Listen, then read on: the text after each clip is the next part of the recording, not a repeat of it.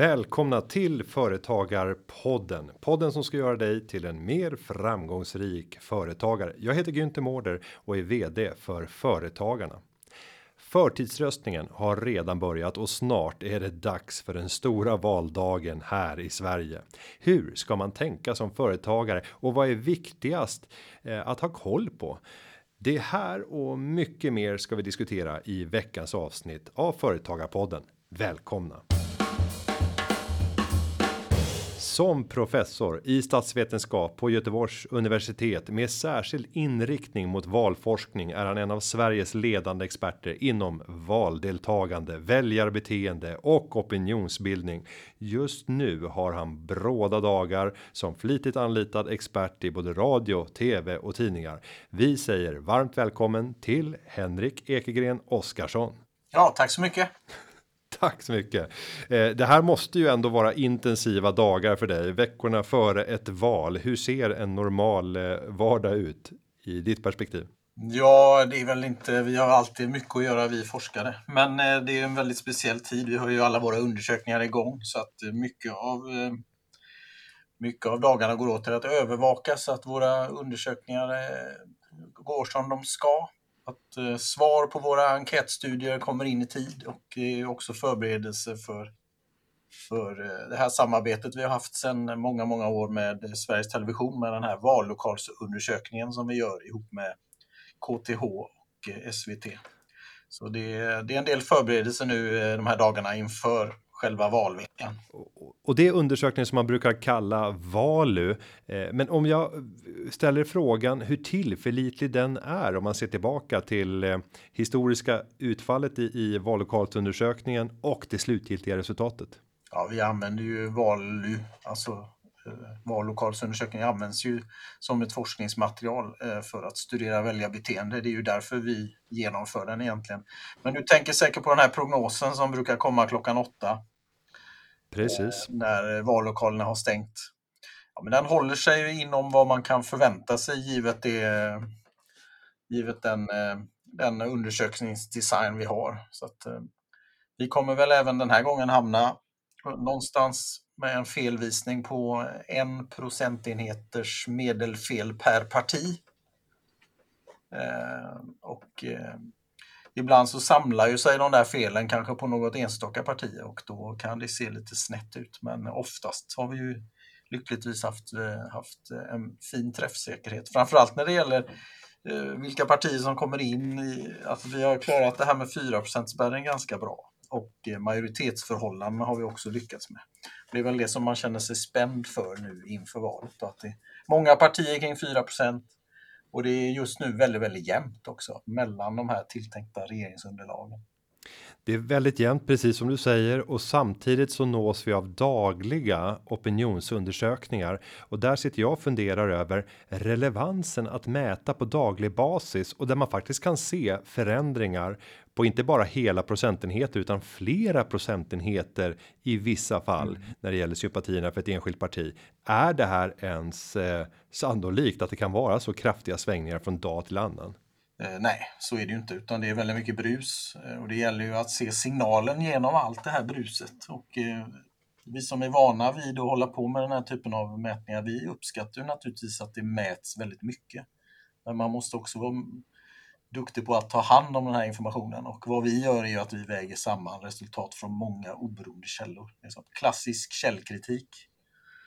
Eh, och vi gör egna sammanvägningar som vi också publicerar publikt eh, som bygger på alla data som kommer in. Så det, är väl en, eh, det är väl det bästa man kan göra, titta på, titta på trender och ha lite is i magen och eh, titta på de här. Det finns ju många entusiaster där ute som gör sådana här poll of polls som är olika typer av viktade genomsnitt där man använder väldigt data från väldigt många olika håll. Det är väl så man måste använda de här.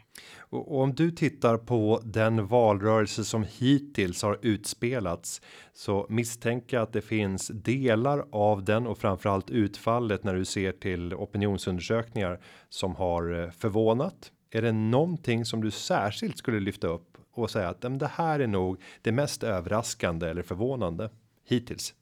Egentligen inte. Vi ser ju nästan inga rörelser alls eh, mellan de här två tilltänkta eh, blocken, eh, om man nu får kalla dem för det. Eh, utan det mesta som händer brukar, det verkar hända inom de olika blocken. Man ser lite rörelser. Det mest spännande just nu det är väl att se kampen mellan Sverigedemokraterna och Moderaterna då på, om att bli det största partiet på högersidan. Och där är det ju, det är väl överraskande jämnt i den matchen. Och eh, just nu har ju Sverigedemokraterna, även i vår sammanvägning, så har ju Sverigedemokraterna ett litet, litet försteg. Eh, och det är klart, det skulle vara en stor skräll om, eh, om Moderaterna inte längre är, blir det största högerpartiet i Sverige. Då, då får vi gå tillbaka, nästan helt tillbaka till när jag var bara en liten grabb för, för att få innan det var fallet. Ja, det skulle vara en märkeshändelse ja, utan tvekan. Eh, om vi tittar på den gruppen som som jag är satt att företräda så är det ju företagare. 500 000 människor i Sverige försörjer sig som företagare och jag vill ju alltid tillsammans med de här företagarna att frågor om företagares villkor ska stå högre upp på agendan i eh, de politiska debatterna och i valets slutspurt. Vad är det? Vad är din analys när det kommer till varför företagarfrågor ofta får en sån undanskymd plats i det politiska samtalet? Ja, det kan ju vara lite underligt eftersom eh, de flesta eh, väljarna också är så att säga, löntagare i dessa företag som du pratar om. Eh, men det är klart att det, det, det är många partier som så här river av och eh, vänder sig till småföretagare och till gruppen företagare. Det, det brukar ju främst vara eh, partier som Centerpartiet och Moderaterna som när vi frågar väljarna efter valet brukar vara de partier som lägger störst tonvikt vid den här typen av frågor. Eh, så det är ju långt ifrån alla. Eh, men det är ju så här, Centerpartiet brukar prata om småföretagarna på landsbygden och Moderaterna brukar prata om företag och företagande. Eh, men i de senaste valrörelserna så är det mycket andra frågor som dykt upp. Det här med företagande har ju varit eh, en större del av de klassiska svenska valrörelserna genom tiden som, som har mer handlat om fördelningspolitiska frågor. Eh, skatter, välfärdsfinansiering, vård, skola, omsorg, den typen av saker. Just nu är ju inget av det där har varit särskilt högt på dagordningen på sistone utom det här med sjukvård. Utan vi har ju en väldigt märklig agenda i Sverige då historiskt sett och det är att det är väldigt mycket migrationsfrågor, eh, lag och ordning, brottsbekämpning som ligger högt. Eh, och kommer väl vara, sätta sin prägel tror jag på den här valrörelsen och sticka ut från historiska valrörelser. Och om vi eh, tittar på tiden nu efter att den här valrörelsen och valnatten är över. Vi kommer sitta med ett resultat. Vi kan nog redan nu säga att det kommer vara väldigt jämnt mellan blocken och just den där jämnheten som vi har sett under de senaste mandatperioderna har ju skapat en eh, politisk instabilitet där frågor har svängt fram och tillbaka. Vi har sett många misstroende voteringar. Vi har haft hot om extraval eh, och vi har sett mängder av eh Eh, politiska utspel som har eh, hotat sittande regering och i flera fall till och med budgetar som har vunnit över regeringens. Om du får blicka till tiden efter valet, gör du bedömningen att vi kommer att behöva leva under den här typen av instabila politiska förutsättningar även efter nästa val? Ja, jag är lite eh, rädd för det faktiskt, för att eh, vi ser ju nästan en repris nu på förra valrörelsen när det gäller partiernas sätt att kommunicera, vem man vill samarbeta med, vem man inte vill samarbeta med. Och det är ju på sina håll väldigt mycket stängda dörrar och röda linjer.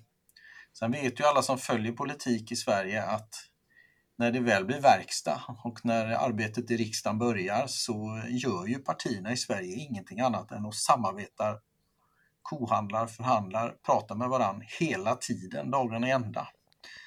Eh, så att eh, valrörelsens, valrörelsens kammarspel och vem tar vem, regeringsfrågans betydelse, står ju oftast inte riktigt... Eh, det, det, blir lite, det blir en väldig kontrast till hur det sedan kommer gå till.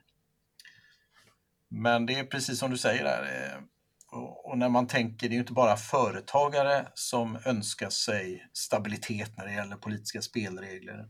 Utan det är ju många, många väljare som också eh, tycker att det är viktigt att veta hur förutsättningarna ser ut för ekonomi, för den egna plånboken, eh, för Sveriges möjligheter eh, att handla med andra, innovationsklimat. Eh, hur går det med den gröna omställningen? Alltså det, är, det är väldigt viktigt för väldigt många att kunna se, se längre framåt än bara en mandatperiod. Och när vi har en sån, vi är väldigt ovana vid att hantera den här typen av politisk instabilitet som vi har sett. Med, där vildar kan avgöra och där det kan plötsligt bli extraval. Och, och det där påverkar naturligtvis inte minst företagare då, som behöver planera lite längre än många andra kanske.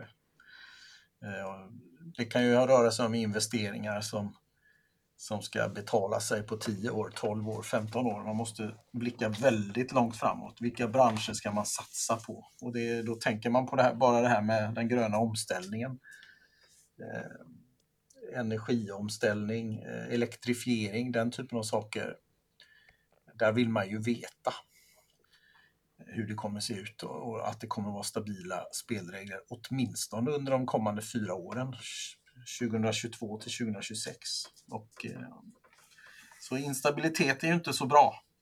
Kanske inte heller eh, i ett läge där, man, där vi faktiskt kommer se, se lite, vi kommer gå in i en lågkonjunktur.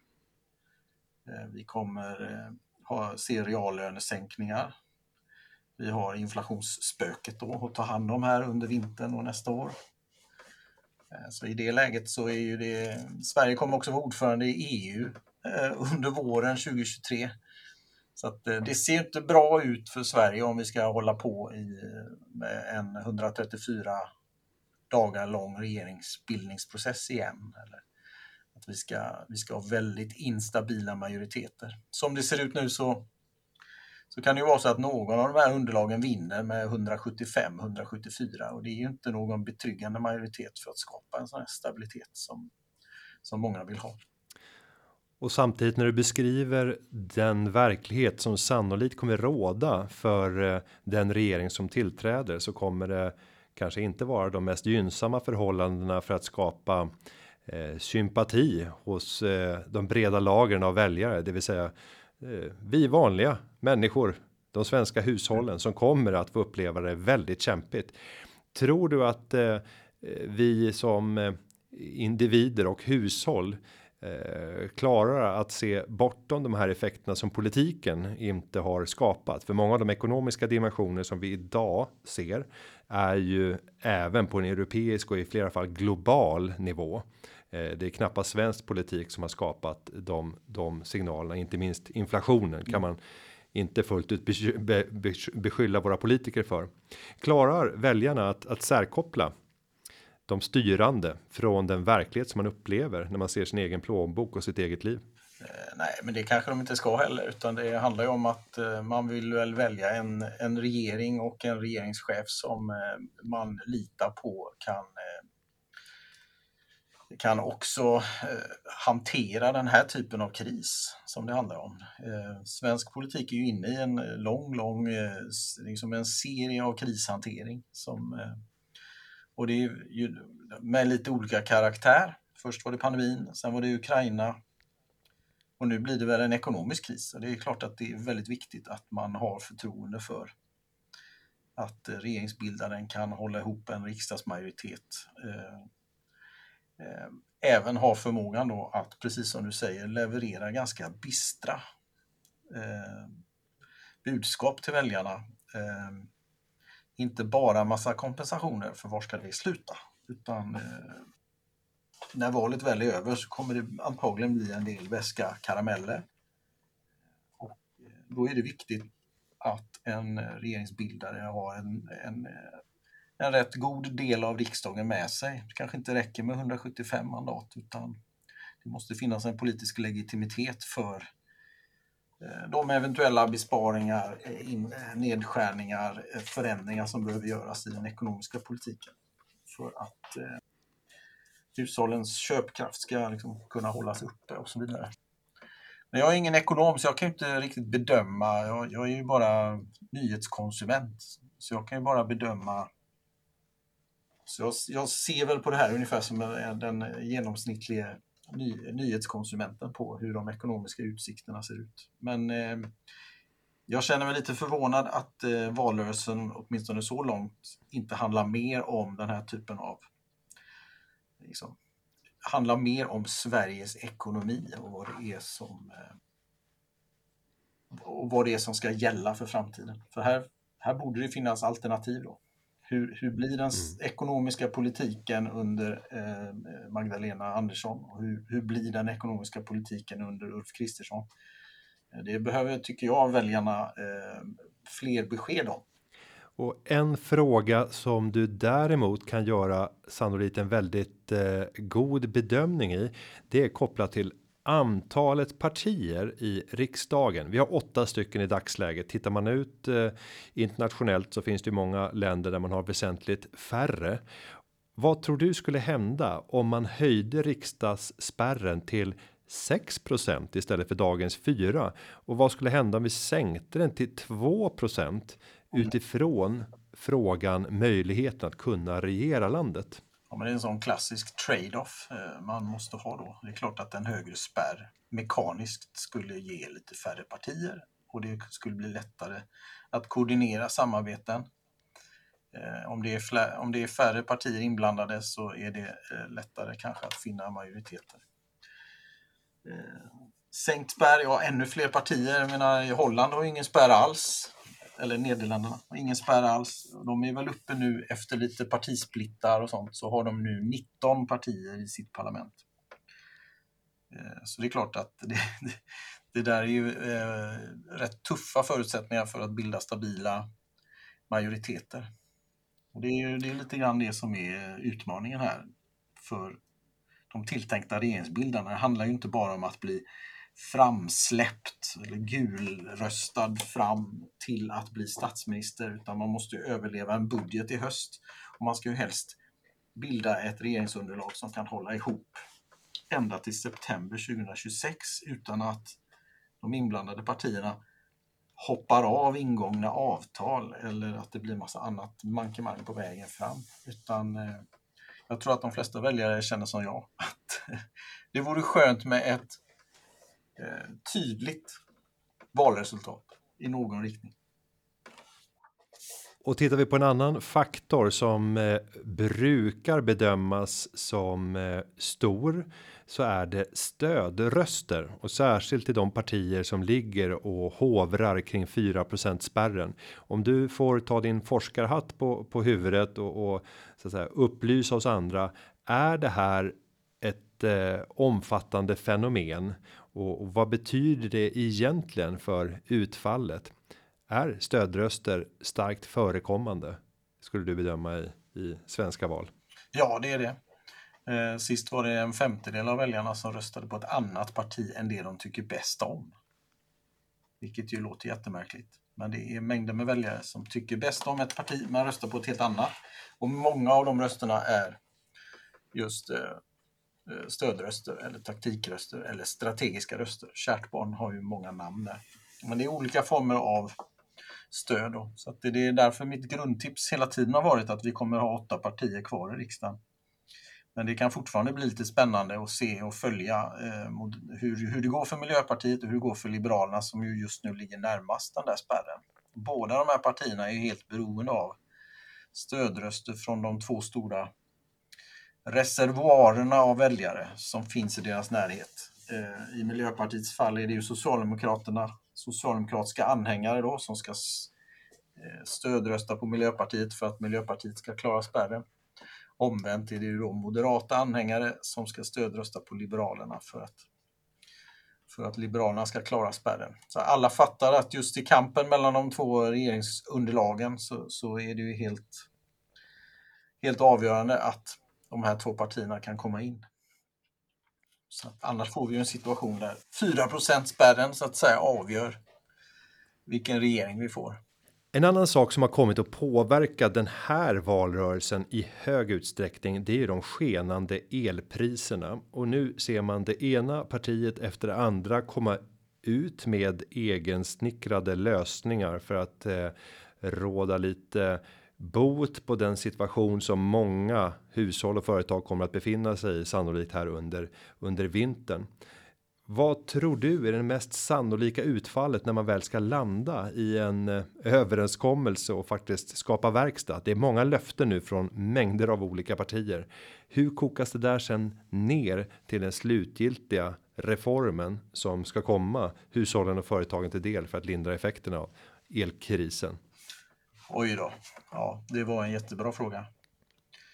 Eh, det är väldigt svårt att veta. I valtider så blir det ju då olika typer av kompensationer som presenteras för väljarna då, som quick fix på det här problemet då inför den vinter vi står inför.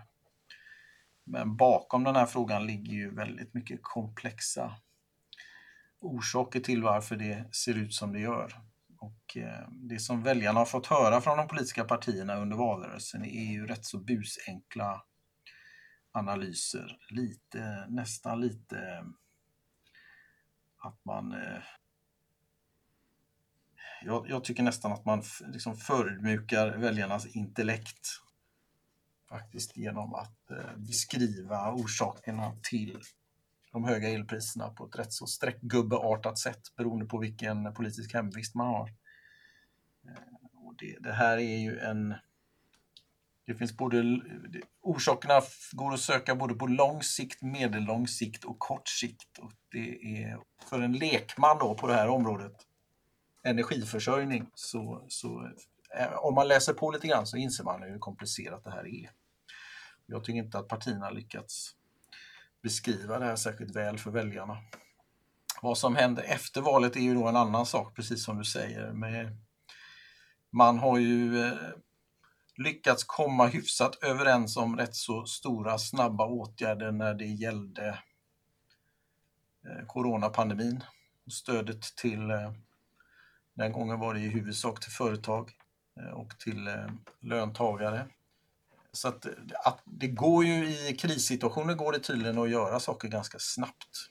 Även om det kanske inte blir hundraprocentigt rätt så kan man göra rätt rätt mycket saker snabbt. Det såg vi även under Ukraina. Där kan man byta fot i NATO-frågan på eh, 6-8 veckor.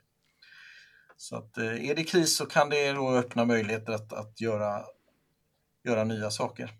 Och det gäller väl även när, i sam, när det gäller samarbeten mellan andra, med andra partier. Så som partierna går loss på varandra nu under valrörelsen så kan man ju som väljare då tycka att hur ska precis samma aktörer kunna sitta vid samma bord varandra om bara några veckor och, och förhandla, kanske inte bara om regeringsmakten eh, och vem som ska sitta i regeringen och regeringsbildning, utan också om sådana här saker som har med, eh, med elpriser att göra.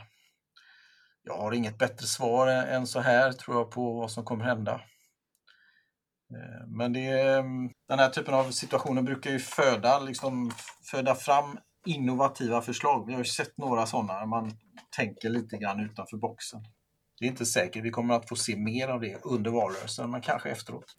Och ett sätt att tackla en osäkerhet i parlamentet, det är ju att träffa överenskommelser och vi har ju sett sådana överenskommelser inom migrationsområdet, energi, pension. Eh, det är ju möjligt att tänka sig att vi skulle få se en, en tid framåt där den här typen av bredare överenskommelser kommer att bli vanligare. Vad, vad är dina argument för att eh, det kommer att ske med ökad frekvens? Och finns det några argument som talar för att det kommer bli svårare att träffa sådana här överenskommelser? Ja, nöden har ju ingen lag. Alltså när det ser ut så här parlamentariskt så behövs det mer av eh, långsiktighet. Och tidigare så har det ju funnits väldigt mycket sådana långsiktiga överenskommelser. Problemet med svensk politik just under de sista tiderna är ju att partierna har varit eh, utomordentligt dåliga på att hålla ingångna avtal. Eh, och om, det, om man bygger in det som en någon slags eh, grundvärde att de överenskommelser man gör över blockgränserna plötsligt en vacker dag när som helst kan rivas upp och partier hoppar av då blir det ju väldigt svårmanövrerat allting. För vad är då en överenskommelse värd? Och då är vi inne på det vi pratade om eh, tidigare då, att om aktörer som företagare, löntagare, människor som bor i Sverige ska kunna känna liksom att politiken går i en viss riktning och man ska kunna planera en viss förutsebarhet. Då kan ju partier inte hålla på så här och lämna ingångna avtal. Utan då måste det vara det här gamla, det här gamla att ett handslag är ett handslag. Ehm, då kan man inte göra som man gör, man, eh, man vill inte vara med, man hoppar av pensionsgrupper och energiöverenskommelser och allt vad man gör. Så att där kan man väl också vara lite pessimistisk när det gäller möjligheterna att komma överens. Och det här står ju i bjärt kontrast till vad, vad väljarna ser på lokal nivå. I mer än hälften, mer, i mer än hälften av Sveriges kommuner så eh, samarbetar partier från olika block med varandra. Det är block, gamla hedliga blocköverskridande eh, partistyren i hälften av kommunerna. Och i en del kommuner är det väldigt då eh, okonventionella majoriteter som bildas och lyckas komma överens. Att, eh, medan vi har då den här samförstånds och sam, samtalsdemokratin på lokal nivå så, så blir det mindre av den varan på nationell nivå. Jag vet inte om vi eh, kanske, jag brukar prata om att partierna har samarbetskapital som de behöver bygga upp och många av partierna just nu eh, står ju på noll när det gäller samarbetskapital. För att eh, man har liksom ingenting att falla tillbaka på när det gäller att hålla ingångna avtal. Och I många parlamentariska demokratier så skriver ju partierna koalitionsavtal efter ett val. Det händer i nästan alla parlamentariska demokratier. Eh, och eh, det är möjligt att vi kommer kunna se, kanske för första gången efter det här valet, ett hederligt, regelrätt koalitionsavtal som då partierna binder sig vid att hålla ända fram till 2026. Ehm, så brukar det fungera. Ta Tyskland som exempel från förra gången. Eh, partierna låst in sig i två månader. Ingen visste vad som hände. Eh, journalisterna fick inte vara där. Det var inga presskonferenser, ingenting. Det var lyckta dörrar. Efter två månader kom man ut. Tjock, tjock bok eh, var det nästan, det här koalitionsavtalet. Och det är det som gäller nu i Tyskland fram till nästa gång det är val. Det är ett sätt att skapa förutsebarhet, politisk stabilitet i, i, i den här typen av eh, parlamentariska demokratier som vi råkar vara i. Och den här typen av koalitionsavtal, hur skulle du ställa januariavtalet i relation till det? Skulle du tala om det som ett klassiskt koalitionsavtal eller skiljer det sig på, på avgörande punkter? Nej, det, det, det är ett tydligt koalitionsavtal. Lite kort kanske, för att de brukar vara ganska långa och väldigt detaljerade. 73 punkter. Ja, även om det var 73 punkter så är det relativt kort. Vi hade ju ett, en form av koalitionsavtal var ju Allians för Sverige som faktiskt skrev ett gemensamt valmanifest före valet 2006 som man presenterade för väljarna före valet. Och då handlade det inte så mycket om vilka andra partier som ska få vara med utan det var redan bestämt och man hade bestämt då vad man tänkte göra. Eh, så det är en form av eh, koalitionsavtal och skrivet i förväg. Men det vanligaste är ju att väljarna röstar på partier, man får ett valresultat, partierna sätter sig ner och förhandlar med varann, eh, utkommer någon form av avtal, eh, några av partierna bildar regering eh, och sen rullar det på. Vi får väl se. Det är ju viktigt att aktörerna tar ansvar för att vi inte får en mandatperiod till som vi just har upplevt. Där det kan handla om några, någon enstaka vilde, någon enstaka feltryckning kan orsaka att majoritetsförhållanden förändras. Eller att det blir oheliga allianser, att, eh, att eh, regeringen fälls eh, inte på den sakfråga det handlar om utan bara för att partier vill ta varje chans att fälla regeringen så som man uttrycker sig. Så där kan vi inte hålla på tycker jag. Och om vi tittar på den typen av förhandsförhandlade koalitionsavtal likt det alliansen 2006 gick på val med så är det ju lätt att sympatisera med idén att man redan har presenterat vad som kommer att hända i händelse av att just den här konstellationen skulle vinna en röstmajoritet. Men vad säger forskningen om den typen av valarbete? Är det en framgångsrik metod att gå in i sån typ av avtal med alla de brister som det innebär. För det gör ju att man kanske inte som enskilt parti kan spela ut sina fulla extremer och sina fullständiga önskemål om man redan har bundit sig vid ett avtal innan. Vad, vad har ni för forskningsresultat när det gäller effektiviteten och framgången i att förförhandla koalitionsavtal innan val? Ja, en del menar ju att det här blir tydligare för väljarna. Då. Man, vet, man vet vad man får. Ehm, det dåliga är väl då, precis som du säger, att partier i princip det blir ju lite grann partiideologisk kapitalförstöring för att eh, man måste man måste så att säga slipa ner sina särdrag innan man ens har fått chansen att pröva dem i val. Men det var ju den kontexten som, som gällde då inför 2006 års val. Socialdemokraterna hade haft makten i 12 år. Eh, borgerligheten hade varit eh, nere för räkning. Det gick ju väldigt, väldigt dåligt 2002. Eh, det var en helt ny generation av politiker som eh, kom överens om att nu måste vi göra någonting tillsammans för att försöka eh, åstadkomma ett regeringsskifte. Så att det, den tidsperioden där, 2004, när, när Alliansen bildas, eh, där måste man ta in Eh, det är möjligt att skulle, skulle högern förlora det här valet så, så kan man ju möjligen se att det blir någon form av repris inför 2026 års val. Då på att man helt enkelt tvingas, eh, tvingas tillsammans. Eh, så som man gjorde i en allians. Eh, det där finns väl mycket att, att säga om. Kanske inte... Ja, det är, vi skrev ju en bok en gång i tiden om just det här allians om just regeringsskiftet 2006. Och eh, den finns ju mycket att säga om. Kanske inte vi ska göra här. Mm. Men en sak som jag och säkert många andra funderar över, det är det här samförståndet som man ofta möter i eh, den lokala politiken.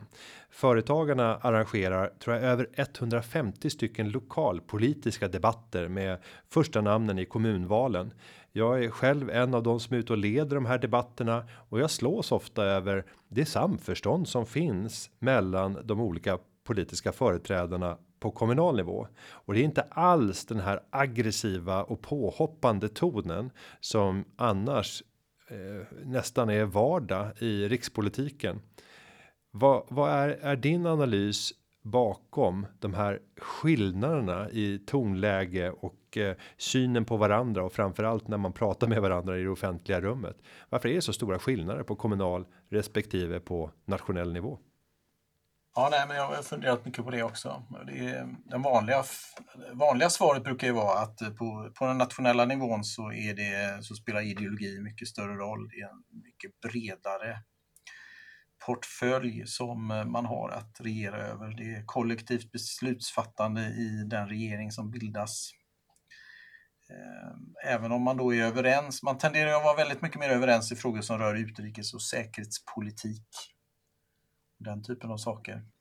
Men annars så är det ofta konflikt som gäller, särskilt i samband med val. Men eh, när riksdagsmandaten väl är utdelade och eh, ledamöterna sitter och arbetar i sina utskott så är det ju väldigt mycket samarbete där.